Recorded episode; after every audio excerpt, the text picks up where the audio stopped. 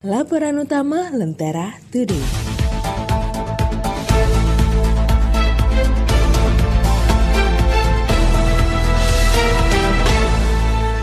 Sudah tertebak, ekonomi RI digunting.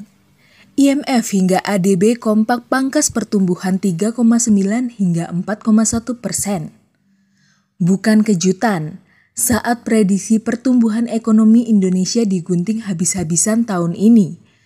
Dana Moneter Internasional atau International Monetary Fund atau IMF memangkas proyeksi pertumbuhan ekonomi Indonesia di tahun 2021 dari 4,3 persen menjadi 3,9 persen.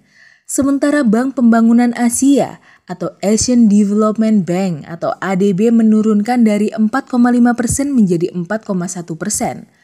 Presiden Joko Widodo atau Jokowi sendiri masih optimis Pertumbuhan negeri ini diharapkan bisa bertahan di angka 3,7 persen hingga 4,5 persen.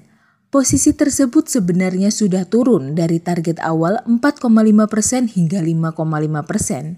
Sayangnya PPKM yang digadang-gadang bisa menekan virus hingga bisnis kembali bergairah masih jauh panggang dari api, yang membuat was-was sekaligus ngeri.